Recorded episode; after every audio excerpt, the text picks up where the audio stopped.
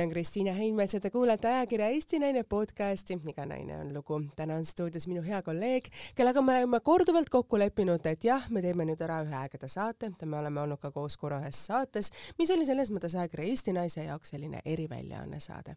aga ma tean, et selles naises on peidus väga palju, meid on elu viinud kokku ühel sellisel hetkel, kui temal olid veel lapsed sellised hilisteismelised ja mina ootasin oma esimest last. ma mäletan seda hetke, kui oli selline lõke, selline kaunis catering ja imeilus suvepäev ja need teemad, mida me rääkisime, jätsid mulle sellise väga sügava mulje. aastad läksid ja nüüd me oleme taas ühes kohas, töötame ühel erialal ja võib öelda selles mõttes, et see naine on ka tuntud eestlaste jaoks võib-olla mitte kõige parema tüpaažina, aga see roll, mida ta teeb, see on hiiglama äge. see, kuidas ta mängib, see, kuidas ta oskab ekraanil manipuleerida, see, kuidas ta oskab ekraanil olla nagu see, nagu see tõeline mõnes mõttes see fuuria, mida Eesti mehed võib-olla mõnes mõttes aeg-ajalt nagu räägivad, et mille näide võib olla fuuria, aga tegelikult on ta isi, isikuna väga kaugel kogu sellest näitlemisest ja võib-olla see ongi see, miks ta oskab seda nii hästi teha, sest tema elus on olnud selliseid fuuriaid, võib-olla mitte küll naissoost, aga meessoost tere tulemast, minu hea kolleeg, imeline supernaine Rita Rätsep. tere, tere seda oli nii lõbus kuulata veidi teistmoodi sissejuhatus, sest tegelikult ju me koht, elu viis meid ju kokku esimest korda, kui ma olin lapseootel. et oma esimese lapseootel ja kõik sellised äh, kätevärinad ja asjad, et mis nüüd hakkab juhtuma või kuidas, siis ma mäletan seda rahulikkust, kuidas sina ütlesid, ah oh, ei noh, kõik läheb nii ja kuidas onju usalda loodust. jaa, no absoluutselt, nagu täpselt. sina oled teinud samamoodi ajakirjale Eesti Naine juba pikalt podcast'e ja sa tead ise, et tihtipeale me kuulame neid sellistel hetkedel, kus oleks nagu võimalikult rahulik ja selline relax tunne ja et saada võib-olla natukene mingit väikest iva ja väikest tõuget siin elus, et saada naistena hakkama, et kui sina oled neid podcast'e teinud, et mida sa oled avastanud iseenda jaoks? Eriti on põnev istuda teisel pool lauda siin nagu külalise rollis ja me oleme samas stuudios yeah.. ma olen teinud neid podcast'e ja ma olen teinud neid kuskil peaaegu kaks aastat saab varsti mm, -hmm. et yeah. ma olen hästi tänulik selle võimaluse eest ja, ja see ei ole mitte nüüd selline, et uh, seda on viisakas öelda, vaid uh, ma olen südamest tänulik selle eest ja um, sellepärast, et elu ongi viinud mind kokku väga-väga inspireerivate inimestega, äh, teemadega, ma küll valin neid teemasid ise äh, valdavalt äh,, aga ka päris palju kirjutatakse ja soovitakse saatesse tulla ja ka Delfi toimetus on aidanud inimesi otsida ähm,. ja ma korraks teen siin katkestuse, kas sa lõikad seda? ei, mina ei lõika saateid, nii ma pigem hea meelega räägiksin edasi. sellepärast, et minu heli ujub natukene sinu see... heli ujub, mis mõttes? ma ei tea, minul ta ujub, minutid pane peale. nii, aga me siis nüüd räägime edasi, kui on kolm kakskümmend kaheksa. saad hiljem ka teha seda mhm. ja selles mõttes on veel eriti huvitav, et äh, tavalise ritana ma ei lähe kellegi juurde tänaval ja kellegi väga-väga minu jaoks inspireeriva ja huvitava inimese juurde, et kuule, ma tahaks sinuga nagu, lähme teeme ühe väikse kohvi, ma tahaks sinuga juttu rääkida, et mul on sulle nagu nii palju küsimusi ja, ja et sa oled jube põnev ja et äh, aga nüüd on see võimalus, palun tule saatesse. Ja ja see on nii tore, et inimesed tulevad ja nad on siiralt siin kohal ja meil tekib ääretult huvitav diskussioon. Enne saadet, pärast saadet, saate ajal loomulikult. Ja, ja ma saan viia ennast kurssi natukene põhjalikumalt teemadega, mida ma võib-olla tean üldiselt. Ja, ja üsna palju teemasid ma valin oma töö kontekstis. Äh, selles mõttes, et noh, sa näed äh, kliente äh, ja nende probleeme igapäevaselt ja, ja siis mõnikord ma olen seal mõnele öelnud, teate, ma teen teile saate, saate spetsialisti käest teada. Ja siis, siis soovitan tal seda saadet kuulata, et saab rohkem informatsiooni sealt. Ja, ja see on äh, üldse selline enda, enda sissevaatamiseks kohati koht sest et äh, iga suhtlus on ju vastastikune suhtlus ja, ja iga inimene tekitab sinus mingeid impulsse ja toob su alateadvusest midagi välja ja ja, ja mul on isegi endal olnud põnev neid pärast üle kuulata, sest üks asi on stuudios olla ja selles energias ja teine asi on pärast äh, kuulata omaette et see ähm, fookus on hoopis teine ja mõnikord kuuled sealt välja selliseid asju, mida sa stuudios ei pannud tähelegi. et äh, see on huvitav, see on väga huvitav ja raadiotöö iseenesest mulle, no kui me nimetame podcast'i raadiotööks, on, on väga huvi pakkunud, sest lavakas ma olin lavakunsti kateedris siis õppides, näitlejaks olin ma Härmo Saarme grupis ja Härmo Saarm on ju tuntud raadiohääl, meil oli kursus pooleks tehtud ja mina olin selles teises pooles.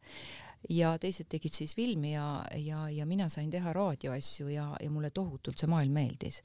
ja nüüd on elu mind äh, siis nende popide podcast'ide juurde viinud ja, ja see on äh, väga hea väljakutse ja, ja tõesti, ma arvan, et ma olen kasvanud nende saadetega ka iseenda sees sa räägid nagu, loeksid minu mõtteid, et täpselt samamoodi, et ma olen ääretult tänulik, et tegelikult ajakirja peatoimetaja siis Heidit Kaiu selle võimaluse mulle samamoodi andis, sest mina olin jõudnud oma eluga sinna punkti, et ma vajasin tööd, ma tahtsin teha midagi ja oma erialal seda leida. ei ole just kõige lihtsam ja minna ümberõppele veel väikeste laste kõrvalt oleks olnud samamoodi keeruline, nii et äh, see, et ma võima-, võimaldati mul teha tööd oma eri, oma õpitud erialale, et ma olen samamoodi sellele väga tänulik. ja ma olen ka tänulik tegelikult kõigile nendele naistele, kes on siia saatesse tulnud, eriti nendele esimestele naistele, kes tegelikult hüppasid pea ees koos minuga vette, teadmata, kas see podcast hakkab kunagi ka selga kandma. tänaseks ta on seda teinud, nagu on ka sinu podcast teinud, et nad on leidnud endale kuulajaskonna ja ma väga tänan veel kord, veel tänan, tänan, tänan, sest ilma teieta ei oleks seda saadet. Ja minul mõnes mõttes ei oleks ka tööd, mida teha ja mida armastada. jah, ma tean, millest sa räägid väikeste laste kõrvalt õppida, et äh, minu noorem laps oli kolmeaastane, kui ma läksin psühholoogiat õppima. Ja mul oli õpingute vahe oli päris pikk olnud, nii et äh, esimeste üldpsühholoogia raamatute taga ma jäin tegelikult viieteist minutiga magama. Jah, see on selline keerulisemad perioodid meil naistena. aga kui sa mõtled tagasi oma elu erinevatele ressurssidele, siis ikkagi ne, see, mida me kunagi oleme õppinud, kas me tahame või ei taha, elu viib meid kokku ikkagi selle valdkonnaga ja me hakkame selles valdkonnas ka tööle, et kasvõi see, et sa ju õppisid lavakas ja täna sa teed ju Eesti kõige hinnatumat ja vaadatumat teleseriaali jah, aga ma lõpetasin, nüüd hakkame aastaarvutust rääkima, ma lõpetasin tuhat üheksasada kaheksakümmend neli ja ma tegelikult olen ju kogu aeg teinud seda tööd küll nüüd viimased äh, kümnendid vabatahtli-, vabatahtlikuna, vabakutselisena. Ja vabatahtlikuna nagunii. aga, aga enne seda kümmekond aastat Draamateatrit, äh, Nukuteatrit, siis me tegime veel Raeteatri projekti Tallinna Raekojas, erinevatest teatritest näitlejatega teleteatri projektid ma tegelikult, äh, kui ma vaatan oma Äh, me peame Näitlejate Liidus tegema oma seda üles kirjutama iga aasta, et mis me, mis me siis teeme, siis tegelikult pausi ei ole olnud. aga kuidas, kuidas on nagu see võimalik selles mõttes, et sul on ka mitu last, et kas sa kuidagi võimaldasid seda või oli su kõrval inimesed, kes võimaldasid sul teha tööd äh, laste kõrvalt? Ega see ei olnud nii intensiivne, et, et ma ei oleks saanud seda teha, aga, aga mingi periood, kui ma lugesin hästi palju reklaame, siis oli, oli küll niimoodi, et sa lähed stuudiosse ja loed äh, sisse nagu mitu reklaami korraga ja see võtab päris palju aega ja siis oli mul pisikene oli selles äh, autotoolis äh, nagu, nagu käekott sangaga käe küljes ja siis äh, tema oli küll seal niimoodi, kõikus mul laual kaasa ja mul on isegi üks äh, telereklaam tehtud niimoodi, et ma varbaga kõigutasin last laua all ja käed olid siis laua peal ja tähtsa näoga tegin reklaami, et lapsed on kaasas olnud lihtsalt, et äh, nad on, nad on sellega harjunud, et ei, ei ole midagi, et teatris ka ju lapsed kasvavad ju tegelikult kulisside taga. Seda me teame, minul on ka täna samamoodi tütar kaasas siin, tal on lubatud samamoodi arvutit vaadata ja no sellel ajal selliseid vidinaid õnneks ei olnud, lapsed suhtlesid omavahel, jooksid ringi, suhtlesid lastega, suhtlesid täiskasvanutega, istusid puhvetis, rääkisid puhvetitädiga juttu, et oli seda vahetut suhtlemist, et, et ma eelistaks seda, et lapsel oleks kaasas tegelikult paber-pliiats, ta joonistaks. Ja kuna siin seina taga on meil toimetus, siis ta istuks kellegi peatoimetaja põlve peal ja, ja, ja joonistaks seal ja vaataks, mis, mis toimub, aga, aga tänases maailmas, noh, ma, ma olen selline väga tugev nutivastane, et, et see ei ole päris okei. okay noh, teinekord tuleb kuidas öelda, emana teha nagu tänane päev, tänane kasvatada päev. lapsehoidjana kedagi teist ja ma ja. tean seda, et eh, Heidi Kaio põlve peal on Ameli nii mõnigi teinekord istunud kogu toimetuse, kuidas öelda, inimestega ta juba on tänaseks tuttav ja nagu sa kuulsid siin liftis, kui me tulime koos üles, siis ta mainis, et ta tahaks seal kolmandal korrusel väga ühe tädi juurde minna. ja see on see, seda on see, mida, mida tänapäeva lapsed tegelikult vajaksid, seda ja. vahetut suhtlemist, sest läbi selle vahetu suhtlemise me õpime iseennast tundma, et kui sa alustasid ka sellega, et külalised ja podcast, me oleme tegelikult ise täiskasvanutena ka ju arenenud läbi selle. aga laps vajab väga palju just nimelt seda vahetut suhtlemist, et õppida iseendast arusaamist kui me mõtleme lavaka perioodile nagu tagasi, ütleme, et mida sa nagu mäletad sellest, et see lavakas on ju nii massiivne, ta on nagu teistmoodi elu ja pärast sinna minnes ja sealt välja tulles see noor inimene on nagu ümber kujundatud. No eriti nõukaajal. jaa, täpselt, täpselt. eriti nõukaajal, sest mina õppisin tuhat üheksasada kaheksakümmend kuni kaheksakümmend neli, eks ju. ja, ja tänaseks päevaks on ta Muusikaakadeemia, sellel ajal oli tal selline venekeelne nimetus veel Tallinna Riiklik Konservatoorium. et äh, see oli riik riigis, et meil Täpselt. olid ka ühiskonnaõpetused ja mingid partei ajalood ja, ja mingisugused sellised äh, peened asjad olid meil ka ja, ja tuli nad ära tiksuda ja need eksamid ka ära teha.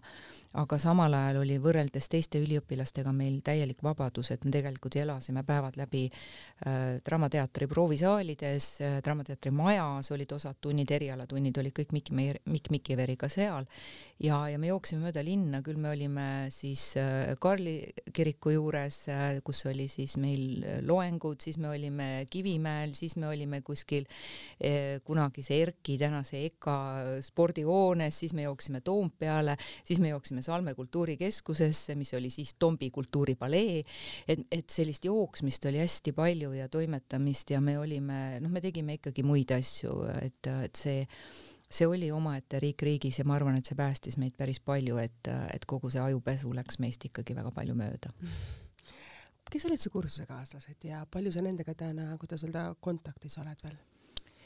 minu kursus on selles mõttes ähm, natukene õnnetu kursus, et meil oli päris palju lõpetajaid, aga tänaseks teatris on meid väga vähe. ja noh, võib-olla inimesed, meie kuulajad siin teavad võib-olla Draamateatrist Raimo Passi, äh, kunagine minu garderoobikaaslane, keda meie hulgas täna ei ole, oli Angelina Semjonova nooremad kindlasti isegi ei tea enam, siis äh, võib-olla teatakse rohkem äh, Toomas Urbi, kes, äh, kes on lau-, lauljana ka ilma teinud ja kirjanikuna Peeter Sauter mm. -hmm. ja, ja võib-olla koorijuhina, Nuku koorijuhina Reeda Toots, Reeda Kreen siis tänaseks, aga kindlasti Terje Penje, kes on siis Ugala teatris ja, ja taustajõuna siis seal Kiiritamm aga nüüdne uus kolleeg äh, Linnateatris, kes siirdus siis Kaugalasse, äh, Margus Tabor, ja võib-olla siis teatakse ka Rakverest Eduard Salmistut et äh, vabandust, kursakaaslased, kui mul nüüd keegi ei tule sellisel kujul meelde, et ma võiks terve kursuse siin ette lugeda, aga ma arvan, et noh, võib-olla veel nimetada äh, Gita Ränk oli ta siis, nüüd on ta Gita Kalmet, kes äh, siis töötab tegelikult, on töötanud ja töötab ka praegu suursaadikuna erinevates riikides, siis on ta olnud, et tema on läinud täiesti teist teed ja teeb siis diplomaadina tööd väga palju meie Eesti riigi jaoks. Et äh, kõik on sellised äh, leidnud mingi hoopis teise väljundi ja, ja tegelikult nagu kaarega tulnud selle väljundi juurde tagasi, mida nad, mida nad tegid enne lavakat. et, äh, et kuidagi see ring on läinud, läinud sellisena, aga kursusega suhtlemine, osad suhtlevad rohkem, osad vähem, need, kes läksid Rakvere, suhtlevad omavahel rohkem ilmselgelt aga sest nad läksid sinna suure pundiga ja kasvasid seal kokku rohkem. Äh, mina jäin, äh, Angelina ja, ja osad meie kursuse vennad jäime ju kohe Draamateatrisse. aga meil on, äh, meil on selline ühine meililist, kus me jagame kõikvõimalikku informatsiooni. Peeter Sauter on meil see, kes loeb üles kõik lapselapsed, kellel kuidas on et, et me ikkagi hoiame sidet, sest et näiteks ka Eva Vilt-Malleus elab üldse meil Hispaanias mm, -hmm. aga, aga ka tema on meie tegemistega kursis läbi selle ühise meililisti ja meil on äh, jõuluõhtud oleme püüdnud teha koos, Reeda on meie hing ja kutsub meid enda juurde ja samamoodi Reeda juures maal oleme saanud kokku siis korra suve jooksul. et äh, koroona ajal need kõik ei õnnestunud meil, aga enne seda ja ma loodan, et ka nüüd jätkuvalt ikkagi õnnestuvad, et me oleme ikkagi üksteise tegemistel silma peal hoidnud ja, ja anname märku, kui kellelgi kuskil ägedalt on läinud, et siin Terje sai preemiad ja siis oli see meie ühine rõõm ja et, et mingi side, mingi side meil ikkagi on. kui tihti sa jõuad teistesse linnadesse kas oma kursakaaslase etendust vaatama või esietendusele või kui palju sul selleks on aega, täna on ju lapsed suured? täna on lapsed suured ja maailm on natukene enda jaoks teistmoodi, et ma tegelikult elus esimest korda siis äh, ei pea ütlema, kus ma lähen ja millal ma tulen et, et see on minu jaoks täiesti uudne olukord, et mul ei ole kunagi sellist asja olnud ja see on päris huvitav. et sa võidki vabalt istuda ja olla, aga esietendustele võib-olla mitte nii palju, ma ei ole selline esietenduste inimene ja teisele etendusele ma ka ei lähe, see on hoopis teine fenomen, see teine, teise etenduse selline taak. aga äh, aeg-ajalt ikkagi jõuan ja hea meelega olen ka nüüd varsti minemas äh, Ugalasse ja kui ma satun äh, Viljandisse, kuhu on maetud minu ema ja ma käin äh, seal äh, temaga juttu rääkimas ja platsi korda tegemas, siis kui on vähegi aega, siis kellegi otsin ülesse ja, ja, ja, ja kui kellelgi kursusekaaslastest on aega, siis kas käin teatrist läbi või teeme kuskil väikse kohvi. et kuidas kunagi, et vahel, vahel satun. et ega meil mujal väga ei olegi, et Rakverre väga ei satu ja mujal teatrites meie kursakaaslas ei ole, aga niisama teatritesse mujale üle Eesti vahel ikka satun. ma olen üsna kriitiline teatrikülastaja miks sa oled kriitiline teatrikülastaja ja ma tahaks küsida ikkagi, et aja pärast. mis on see teise etenduse taak? mis asi see on? vaata, see on, ähm, see on selline inside joke natuke, see pole üldse joke tegelikult. et selles mõttes see esimene etendus mm, -hmm. esietendus läheb ikkagi teatud eufooriaga. et sa oled kolm kuud teinud proove mm -hmm. ja ja, ja kõik, lõpuks on publik saalis? lõpuks on, no publik on, käib ennem ka ikkagi mingil määral, et kontrolletendused ikkagi toimuvad ja aga, aga see on midagi muud, mis on siis noh, esietenduse eufooria, see on, see on midagi muud ja ma ei tea, kas selleks teiseks etenduseks see kuidagi langeb, aga, aga see teine etendus on alati kõige kehvem ma ei tea, mis asi see on, aga sellega on mingi selline, see tuleb üle elada lihtsalt. ja, ja siis, siis kolmas ja nii edasi, see on juba teine teema, et mina olen üldiselt selline kuskil kümnenda etenduse inimene, et mulle meeldib, kui näitlejad on sisse mänginud äh, asja, et äh,, et see tee läheb kuidagi nagu loomulikumalt ja mõnusamalt. Ja, ja ei ole veel tulnud sinna sisse neid oma nalju, millest publik aru ei saa. Et ei ole veel liiga mugavalt ennast hakatud tundma, et on siuke väike pinge on sees, aga, aga jah, et, et eks noh, ma ise ju teatris enam ei ole teinud ja ma arvan, ma ei kujuta ette, võib-olla, võib-olla tekiks see aeg, aga, aga kui mul siin eelmine aasta tehti ettepanek äh, Vaba Laval ühte projekti kaasa teha, siis noh, takistuseks tuligi see, et ma ei saa proovides käia. aga miks? aga mul on muu töö. Mul on muu töö ja, ja mu graafik on, on väga tihe, mis tähendab seda, et äh, ma peaksin cancel dama ära oma vastuvõtuajad, mis mul on praegu juba tänaseks päevaks septembris, me räägime siin noh, suvest, eks ju, praegu juba. Ja vahepeal tahaks puhata ka. et mis kasu on läbi põlenud psühholoogist, kes ei ole puhanud, eks.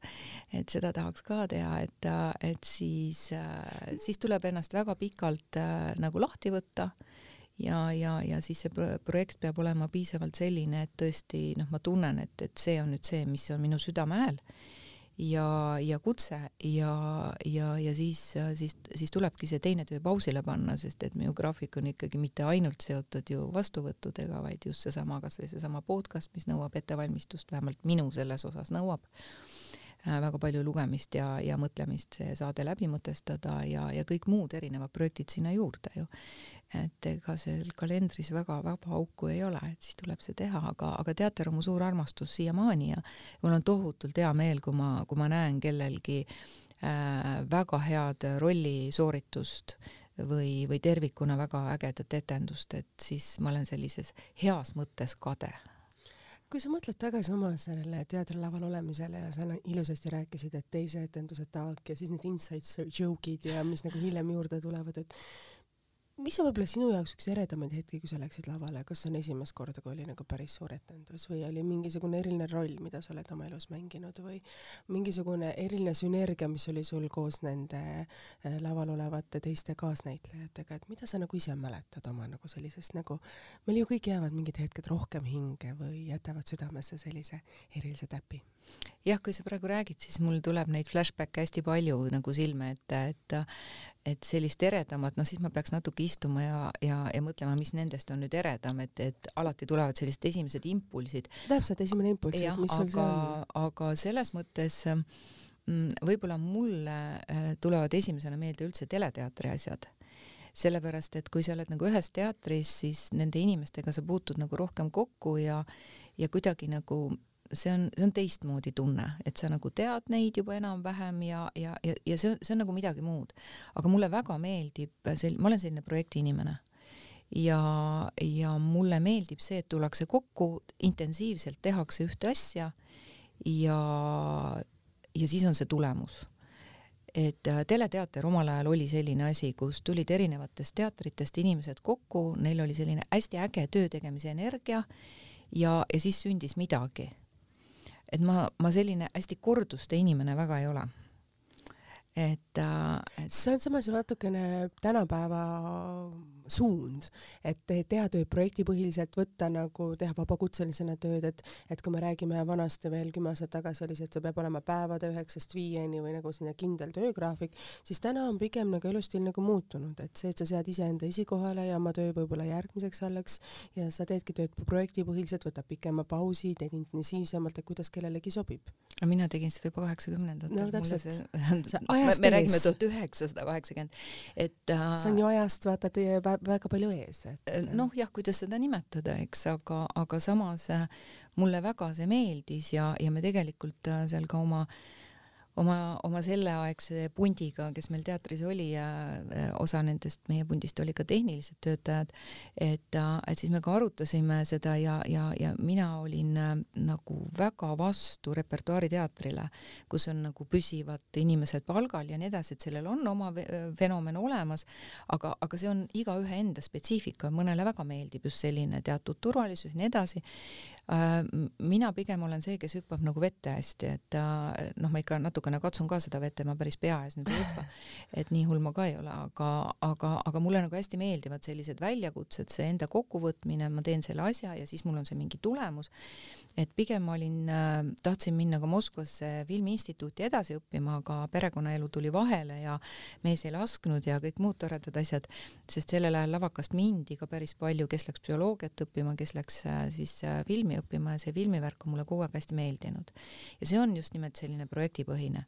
ja võib-olla see teleteatri periood ka mulle hästi meeldis, et see oli just siuke projektipõhine su esimene suhe, sa ütlesid seda, et sul tuli isiklik elu vahele, et sellepärast jäi see Moskva pooleli või suurem karjäär? mõte jäi pooleli. mõte jäi pooleli. mõte jäi pooleli peale lavakat, aga suhe tuli juba tuhat üheksasada kaheksakümmend, nii et tegelikult terve selle lavaka aja olin, olin ma juba nii-öelda pereinimene et, äh, et see, eks see jättis ka natuke jälje selle üliõpilase elule, et, äh, et ma ei saanud seda võib-olla sada protsenti nautida sellisel kujul et, et kindlasti oma mõju seal oli, kui sa oled suhtes ja sul on kodu ja sa pead selle eest hoolitsema ja, ja mehe eest hoolitsema ja et see ei ole täna nagu tänasel päeval, et tellime Bolti ja Wolti ja nii edasi, et sa, sul ei olnud isegi milleski väga süüa teha, eks, et maalt said kartulid ja ja vaatasid, mis sa said, aga, aga ikkagi oli, meil kõigil on vaja süüa olnud juba ürgajast saadik, eks.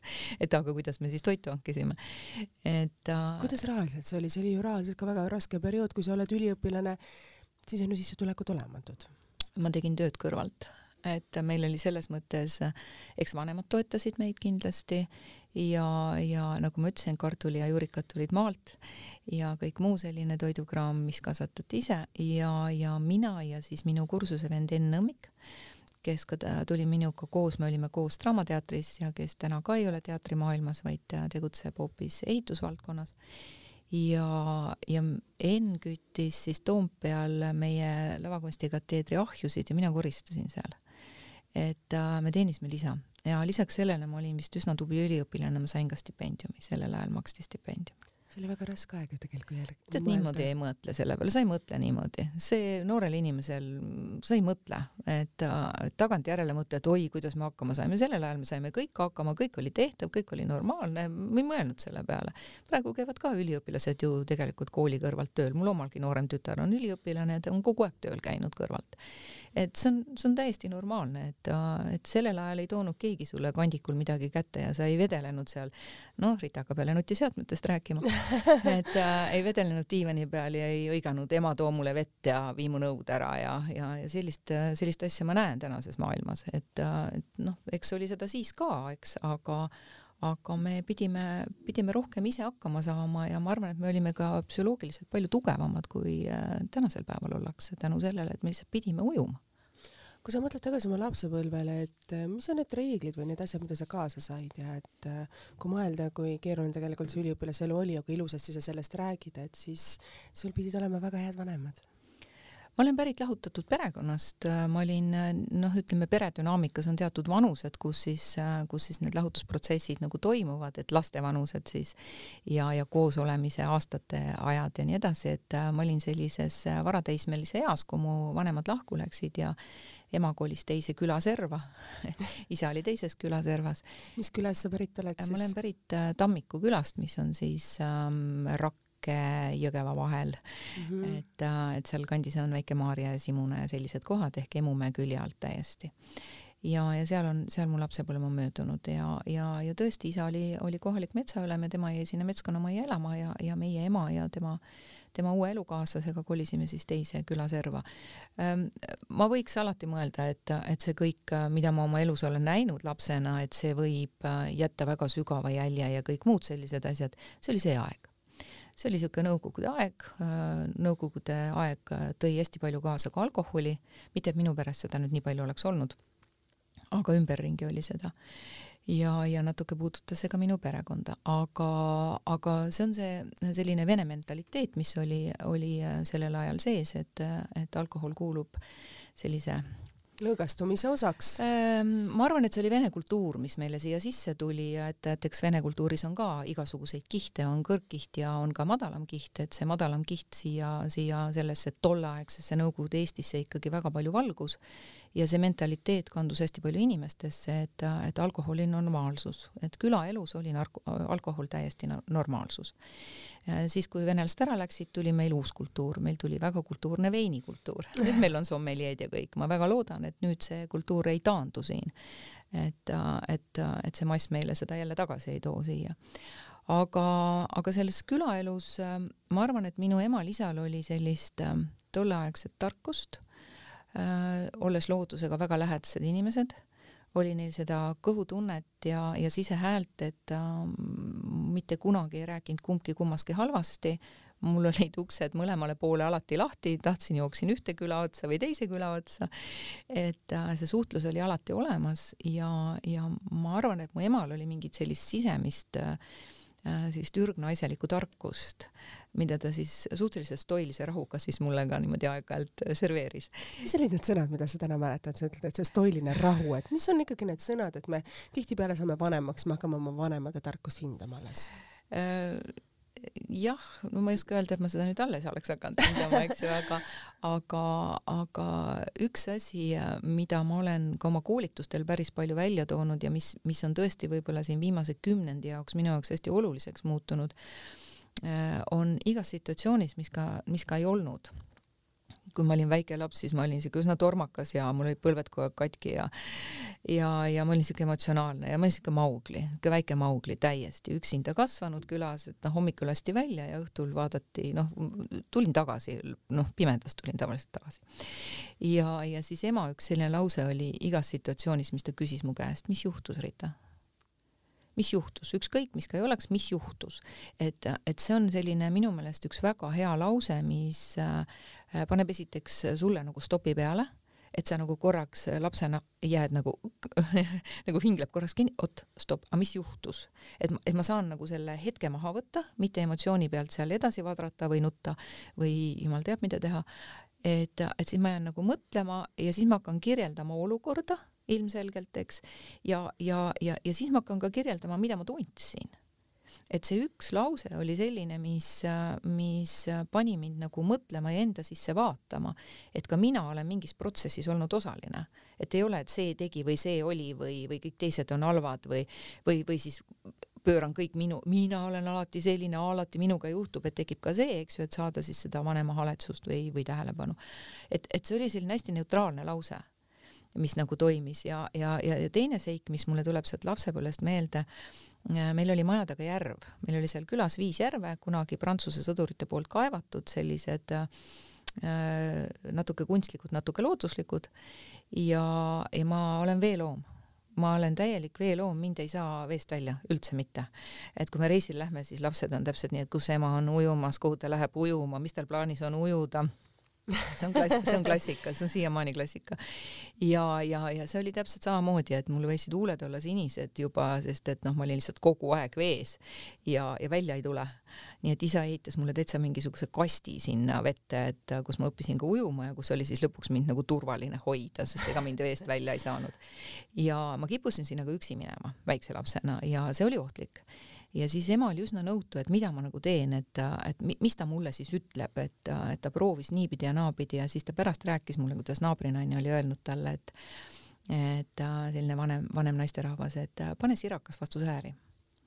et põhjus-tagajärg seos oli see, mida mulle õpetati.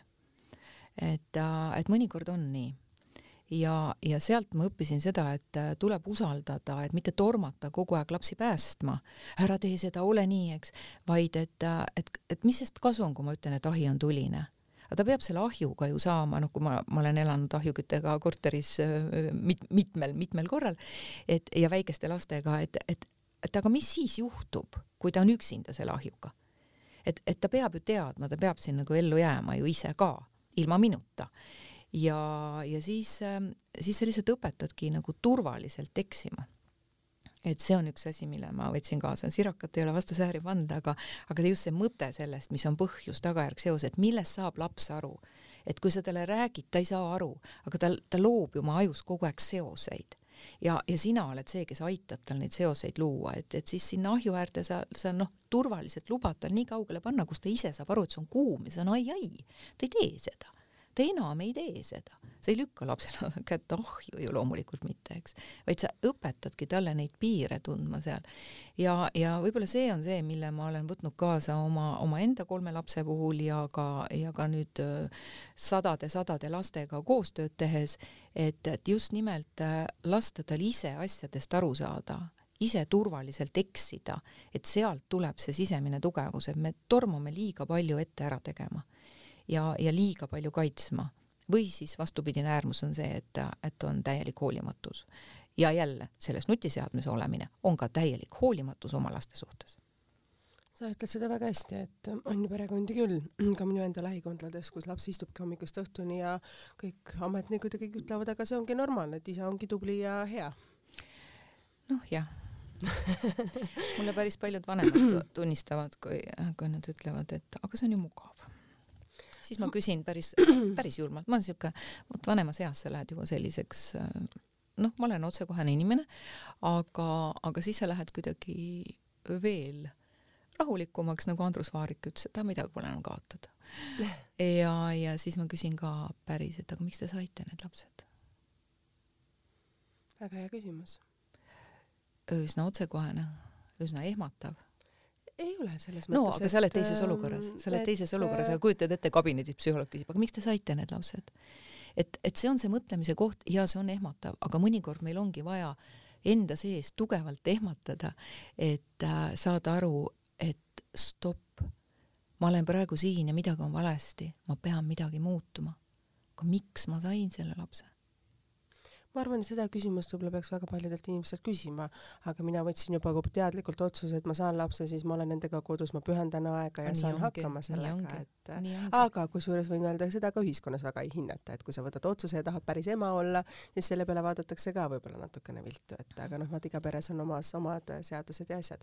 sul on kolm last. peaks olema julgus olema sellest nii-öelda ühiskondlikust äh, arvamusest, mida me arvame, et on ühiskondlik arvamus, üle olema ja tegema seda, mida sina tahad teha ja mis on sinu lastele ja sinule parim. see on noore, noore ema, naise emaks saanud naisele natukene võib-olla keeruline ja raske. jah, sest seda ka tegelikult pro promotakse päris korralikult ja, ja, ja, ja inimesed istuvad hästi palju meedias ja loevadki seda ja see ja. mõjutab neid. et mul on ka kabinetis noori naisi, kes ütlevad, aga kogu ühiskond ootab. et ma teen midagi peale Täpselt. emaks olemise. absoluutselt, ei oota, ei ole vaja, ei ole vaja, sest kõige olulisem on tegelikult just need esimesed, esimesed aastad kuni, kuni ma isegi ütlen koolini ja sealt edasi ka loomulikult, aga just see päris kohalolemine, et et ma näen ju ja kuulen seda, kuidas la, lapsevanemad, noored emad imetavad lapsi, telefon käes. see on kõige suurem kuritegu, noh, ütleme võib-olla ma liialdan, aga põhimõtteliselt, mida me saame oma lapsele teha.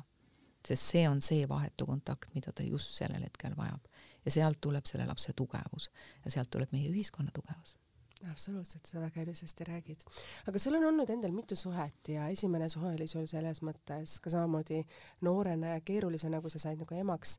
et kuidas sa mõtled nagu, kui sa ise said emaks, et mis olid need nagu teemad ja asjad, mis olid nagu sinu jaoks olulised ja kuidas sa nendega hakkama said, et noh, näitlejana, kuidas öelda, väikseks, väikse lapsega kodus olemine ei ole ka lihtne no ma läksin tead ka väga ruttu kohe tööle no, sellel ajal, et see oli äh, äh, minu vanem laps sündis tuhat üheksasada kaheksakümmend seitse ja, ja noh, tänases maailmas võib-olla see aastaarv ei ütle nagu väga midagi, eks, aga tegelikult oli see, oli see laulva revolutsiooni algus.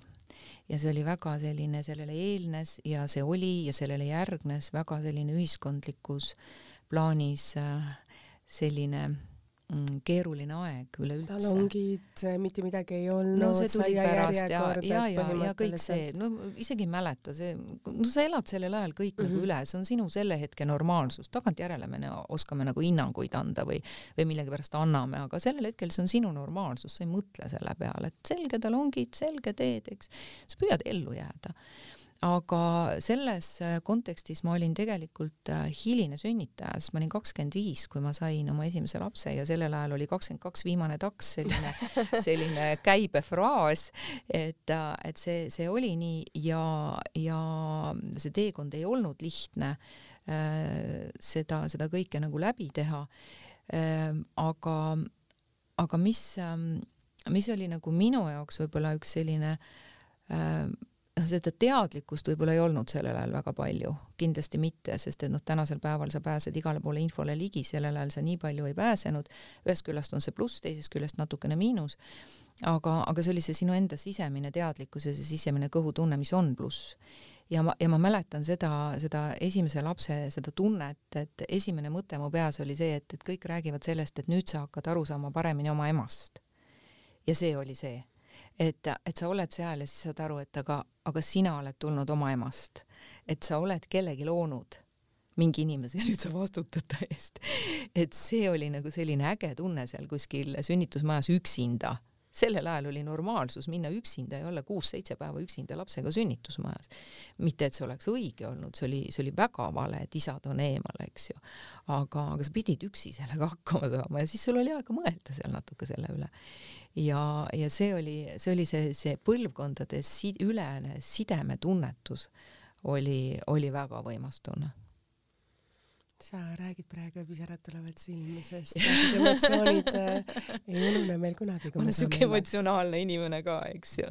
et, et muidugi igasugused mälestused toovad tegelikult ju pisarad silma natukene, eriti sellised, mis puudutavad meie lapsi ja seda, seda kõike.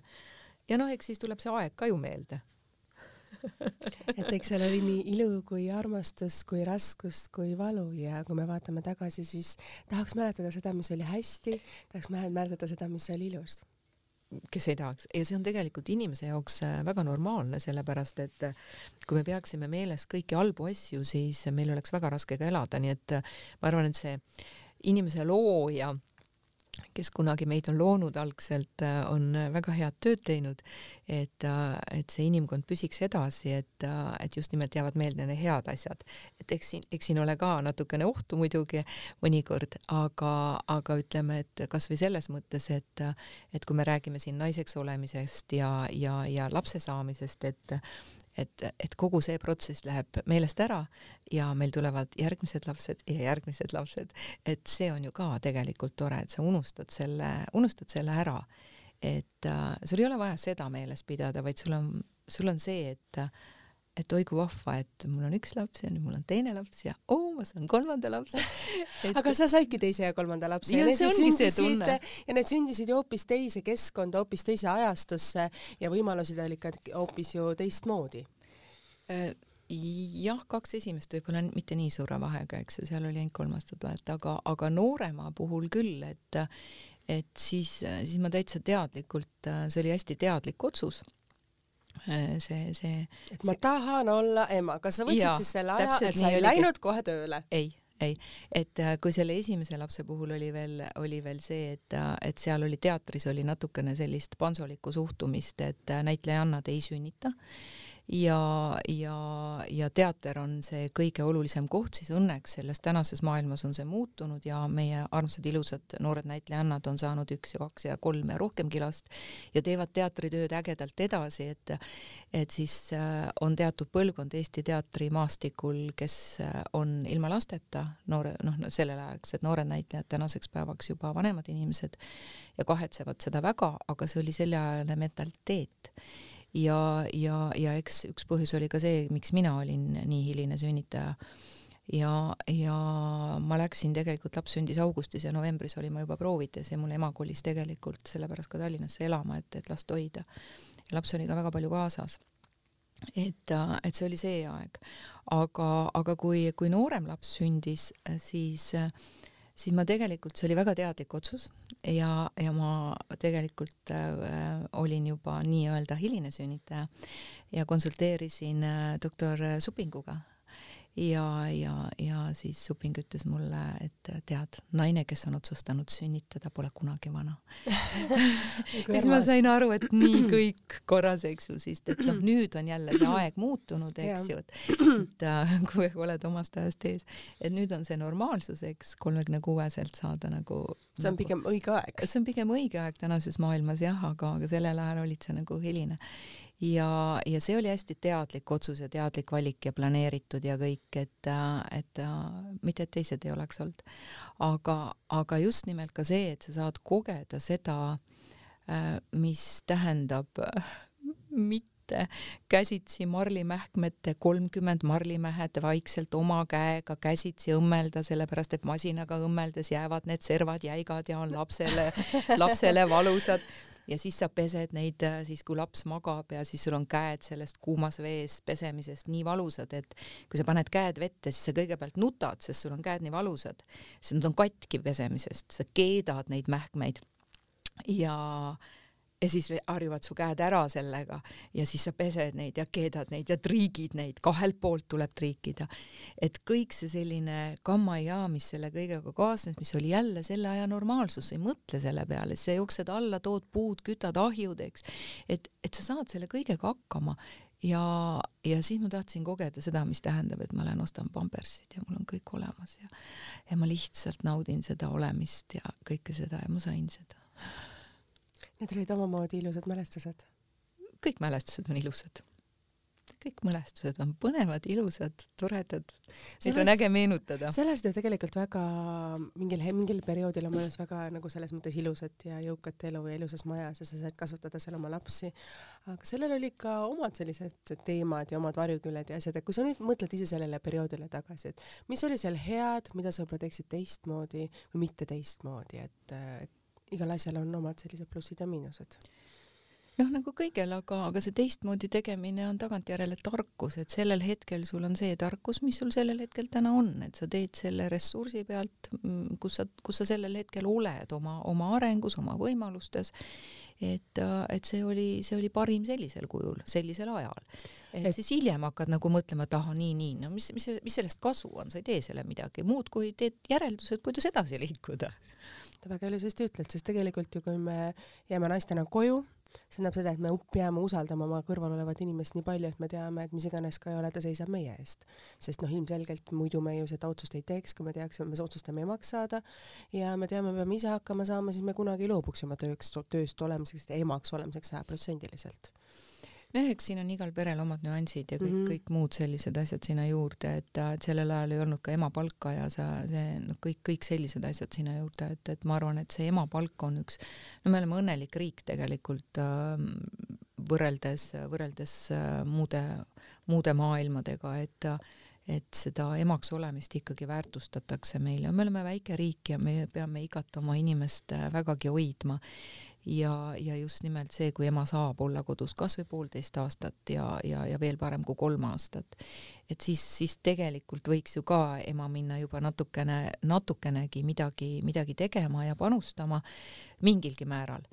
kas või siis, kas või siis tal võiks olla oma hobi või, või midagi sellist, et kui sa oled ka ainult lapsega koos, siis, siis see juba suuremast peast ma mõtlen, siis lapsel ei ole võimalust ka eralduda emast mida, mida jälle tegelikult on vaja.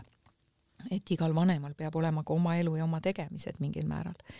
et, et kuidas selles balanssi lüüa, noh, luua nagu selles mõttes, et teinekord on see keeruline et leida, et minna selle lapse kõrvalt ära ja see kiindumus võib olla nii suur, et seda on raske kuidagi üle elada või no see üleseotus, seotus on muidugi jama, eks ju, et see, see, see ei ole okei okay,, eks, et, et ka mina oma töös näen seda, kuidas näiteks tullakse lapse koolivalmidust hindama, palutakse ja ja, ja sa näed, et laps on tegelikult kooliküps ja lasteaed ütleb ka, et laps on kooliküps, aga, aga ema ei taha teda kooli lasta, et sa näed, et tema identiteedi teema on see, et, et tema identifitseerib ennast läbi oma lapse, et järsku tal ei ole enam midagi, kuhugi minna, midagi teha, et, et selliseid klammerduvaid, eriti poisslaste külge klammerduvaid emasid kahjuks on.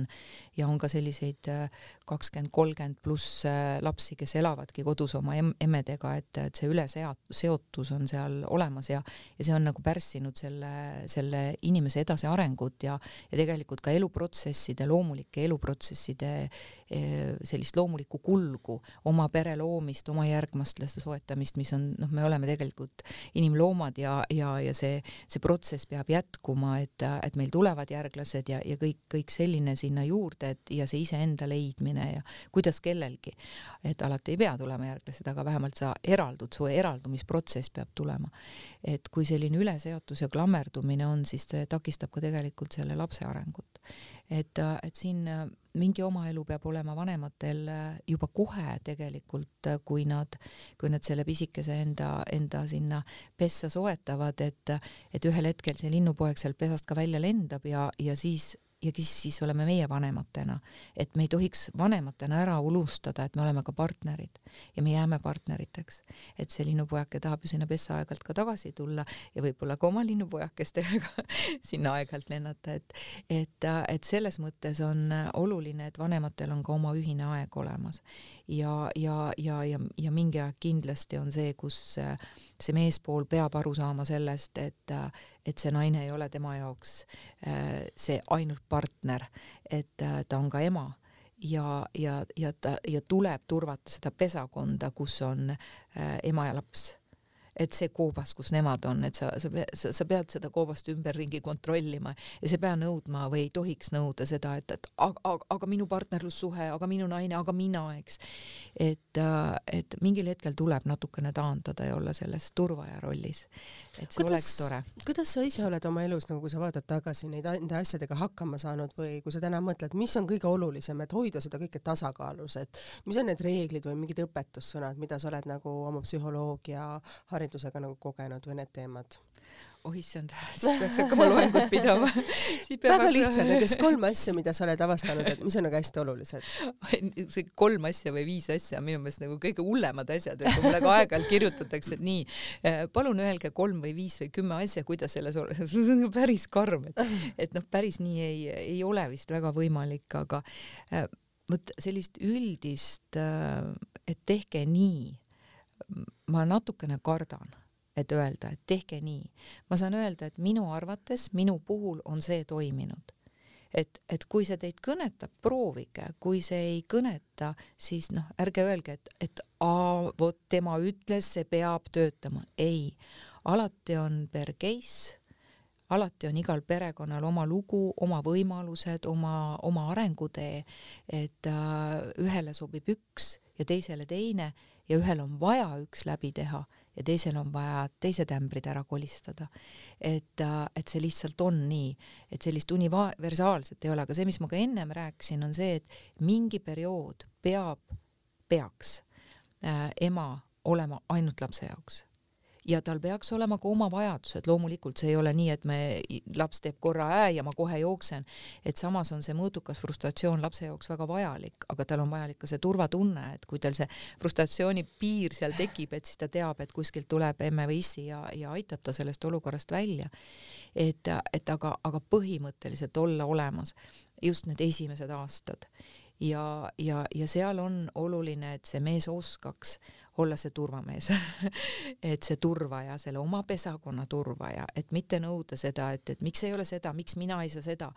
et ta peaks aru saama sellest, et, et ühel hetkel on jälle kõik tagasi. et aga selleks, et oleks tagasi, peaks see side ka kogu aeg olemas olema, et, et ma ikka noori perekondasid äh, suunan kasvõi kui laps on veel väike, et siis kasvõi korra kuus või kui on juba natuke suurem, korra nädalas, minge tehke midagi kahekesi lihtsalt kahekesi, et on peretegemised, on igalühel oma tegemised, aga peaks olema ka kahekesi tegemised. et, et mis teile meeldib teha, kellele meeldib restoranis käia, kellele meeldib jalutamas käia, sporti teha või kinos käia, mis teile meeldib, aga tehke midagi, kus te lähete natukeseks välja ja olge kahekesi, kui vähegi võimalik. et, et see on see, mida on ka lapsel vaja. et ka temal on aeg-ajalt vanematest vaja puhata tal on vaja ka õppida ootama oma vanemaid et, et, et see, seda kõike on vaja läbi teha. Ja see on hästi-hästi oluline ja mina mäletan ka oma lapsepõlvest seda, kuidas minu vanemad olid väga suured reisijad. Ja, ja ka ma ise olen hästi suur reisija ja reisihimuline inimene olnud terve oma elu, noh, tulen oma kodust ju. Mhm. ja nemad nõukaajal, ma olen hästi palju Venemaal reisinud, sest Venemaa, noh, nõukaajal sa saidki ainult Venemaa piirides reisida. Ja nemad käisid tihti siis kas Sotšis, Krimmis, sellel ajal käidi seal puhkamas olen isegi käinud. Ja, ja ma mäletan, kuidas ma väikse lapsena nagu ootasin seda, siis ei olnud ju, keegi saatnud sulle kuskil chatis pilte ja, ja, ja, ja ei kirjutanud ja ei teinud Facetime'i kõnesid. Ja kui ta läks, siis ta oli kadunud. Ja kui ta tuli, siis äh, mõnikord postiga jõudis see kuskilt Jaltast saadetud pilt alles siis kohale või postkaart, kui nad olid juba kodus. et, et sa pididki elama selles teadnuses ja ootama, et kas, kas nad tulevad täna või millal nad tulevad nüüd ja siis oma hoidjatädi käest seda siis küsima ja ristikesi seina peale vedama, et mitu päeva veel on jäänud, kui emme-issi ära on. see kõik tuleb läbi teha. Ja see on nagu üliäge tegelikult, noh, uuel ajal uued teemad, eks, aga, aga iseenesest on vaja sellist, sellist protsessi ka meil läbi teha, sellepärast et olla tugevam, osata oodata. Ja, ja see kohtumise rõõm on alati ju väga tore mis on need asjad, mida sa ise oled nüüd tänaseks avastanud, et ma tean, et juulikuu on sinu sünnipäevakuu, palju õnne sulle ka siin. juba ette jah, oi-oi-oi, kõik, kõik, kõik, kõik. ja siin mõned päevad ikkagi ette selles mõttes, et, et mida sa oled nagu võib-olla, kui sa mõtled tagasi nendele oma erinevatele kümnendatele asjadele, mis on need asjad, mis on nüüd sinu elu vundamendiks saanud või need tõed või need asjad või mõned teemad või asjad, noh, mina olen tänaseks, võin kohe kiiresti öelda, et kuula oma rohkem oma sisetunnet, oma intuitsiooni, teinekord veab see sind küll trappa, aga üldiselt ikkagi õiges suunas. noh, eks nende kümnenditega on üht-teist ju kogunenud no, ja jumal tänatud, et on, sellepärast et ma hakkan mõtlema, kui poleks ja ma mõtleks samamoodi kui kuskil kahekümnendates, siis oleks küll midagi väga rappa läinud. aga ma usun, et veel palju on ees et ei ole nii, et nii, nüüd üks number kukub ja nüüd sa siis oled valmis. ei ole, et, et see pidev õppimine käib ja, ja ma ei saa öelda, et mul oleks mingid väga kindlad asjad, mida ma oleks äh, ära õppinud. ma arvan, et kõik kogemused, mida ma olen saanud, on olnud minu areng, minu kulgemine ja, ja see on aeg-ajalt noh, ikka niimoodi mõtled, et äh, oma elu peale tagasi ja, ja kohtade peale, kus sa oled elanud ja inimesed, kellega sa oled suhelnud. mõtled tagasi mingite situatsioonide peale ja siis mõtled, et noh, kuidas ma selle küll seekord niimoodi lahendasin, et, et oh mind et oleks võinud ju teistmoodi aga kui ma oleks selle seekord teistmoodi lahendanud, siis ma oleks täna võib-olla teistsuguses seisus, kas see on nüüd parem või halvem, ma ei tea. aga, aga kui see teekond on olnud selline, siis järelikult äh, järelikult ma olen osanud seda lihtsalt sellisel kujul lahendada. ja, ja nüüd, kui ma selle peale mõtlen, siis äh, tänu sellele, et ma selle seekord võib-olla mitte kõige paremini ei lahendanud, aga ma vähemalt õppisin sellest midagi ja nüüd ma tean, et ma teinekord enam niimoodi ei tee. et ehk see selline ilus ütles, et kui sa ebaõnnestusid, siis ebaõnnestu järje, järgmine kord uuesti, aga veidikene paremini on ju, et ma arvan, et see on olnud see, mida ma niimoodi siin täna, täna mõtlen, et äh, kindlasti tuleb mu elus ette äh, ka edaspidi mõningaid asju, mille peale ma siis tagantjärele mõtlen, et okei okay,, mul on võimalus ebaõnnestuda paremini on nii ägedalt räägid selles mõttes ja me saade nii kaugele juba jõudnud, me peame selle kokku tõmbama, aga ma olen nii palju igasuguseid selliseid sügavaid hetki sinu käest saanud ja mul ei ole olnud ühtegi saatekülalist, kes oleks nii palju pisarates olnud siin saates kui sina, nii et ühe äi... korra korraks siis, kui meenutasin esimese lapse sündi. Et selles mõttes ikkagi see, need silmad olid sul päris mitu korda sellist pisarates, et aitäh, et sa jagasid väga sügavaid tundeid. Hmm.. aitäh, et sa julgesid rääkida ausalt ja otse oma päris sisemusest ja oma kogemusest, mida sa oled elus teinud, sest tihti me paneme ette maski või kuidagi need oma sisemised päris tunded paneme müüride sisse, et me ei taha neid näidata, me kardame saada haiget. et ma tean, et sa oled saanud elus palju haiget, aga see, et sa julged ikka elada ja julged olla aus ja siiras, et see on imetlusväärne aitäh sulle, Kristiina, ilusate sõnade eest ja, ja see, ütleme, et mm, kui see mask on selline, et, et me isegi ei tea, et me maski kanname, siis on see juba ohtlik aga meil kõigil peaks olema väike mask ees, sellepärast et kui me iseennast ei kaitse, siis kes meid kaitseb? jah, teinekord on see maski ette panemine lihtsam kui ja. olla siiras ja, ja kõik... ka kasulikum. absoluutselt, absoluutselt ja eriti võõras keskkonnas jah, mis iganes keskkonnas, et, et meil on väga vähe selliseid inimesi, kellega me julgeme olla päris, päris ausad, aga kõige olulisem on olla iseendaga aus. Just nimelt. kas see on oskus, mida vaja õppida? see on julgus. ja oskus oskus ja julgus, no oskus tuleb juba harjutamisega, et sa kõigepealt pead julgema üldse seda proovidagi, et olla iseenda vastu ausad, see on kõige olulisem. et kui ma tean, et mul mingites situatsioonides on mask ees, sest et et see on hoopis teine tunne kui ja. see, et sa automaatselt käid ja, ja oledki, oledki seal maski taga ja sa saad ise väga-väga haiget seal sees. et kõike me ei peagi välja kiskuma, et äh, me peame ikkagi tajuma ka neid piire, mida öelda, kuidas öelda, et selline sisemine väike kontroll äh, peaks kogu aeg olema, et kui sa midagi räägid, siis äh, siis mõtle, kas see on see, mida, mida sa tahad pärast lugeda ja. või kuulata kas ma võin öelda siis siinse pealkirja, saate pealkirja, kas ma võiksin panna siin selleks ma eb-, ma ebaõnnestun iga järgmine kord paremini kui sa nii mõtled. see on midagi väga ägedat, mida sa ütlesid et.... see ei ole minu ütlus et, tegelikult, aga ma olen selle kuskilt korjanud, et eks ma olen ka elus käinud kõikvõimalikel koolitustel ja lugenud nii nagu kõik, eks ju, selles vanuses inimesed on ju teinud igasuguseid protsesse erinevatel eluetappidel ja sa lihtsalt lõpuks enam ei tea, mis on sinu mõtted ja mida sa oled kokku korjanud. et sa, sa kuuled midagi ja sa sellest sünteesid midagi enda jaoks. ma õnnestun iga järgmine kord paremini see on parem. jätame selle eba ära aga aitäh, Rita, et sa tulid siia saatesse, aitäh, et sa jagasid neid kogemusi. ma arvan, et ta sai väga siiras ja südamlik, nii et ma loodan, kuulajad, et te leidsite ka midagi enda jaoks, et teinekord avada oma hing täiesti võõrale inimesele võõras keskkonnas on midagi, mis toob ka meie jaoks võib-olla sellist südamlikku esile. aitäh veel kord, Rita, aitäh teile, kallid kuulajad, et oli selle tunnikese meiega. saade on ikka saadaval meil Delfi taskukeskkonnas SoundCloudis ja Spotify's ja kohtume teiega juba nädala pärast ja sinule, Rita, kaunist juubeli tähistamist varsti. aitäh kõigile. nägemist.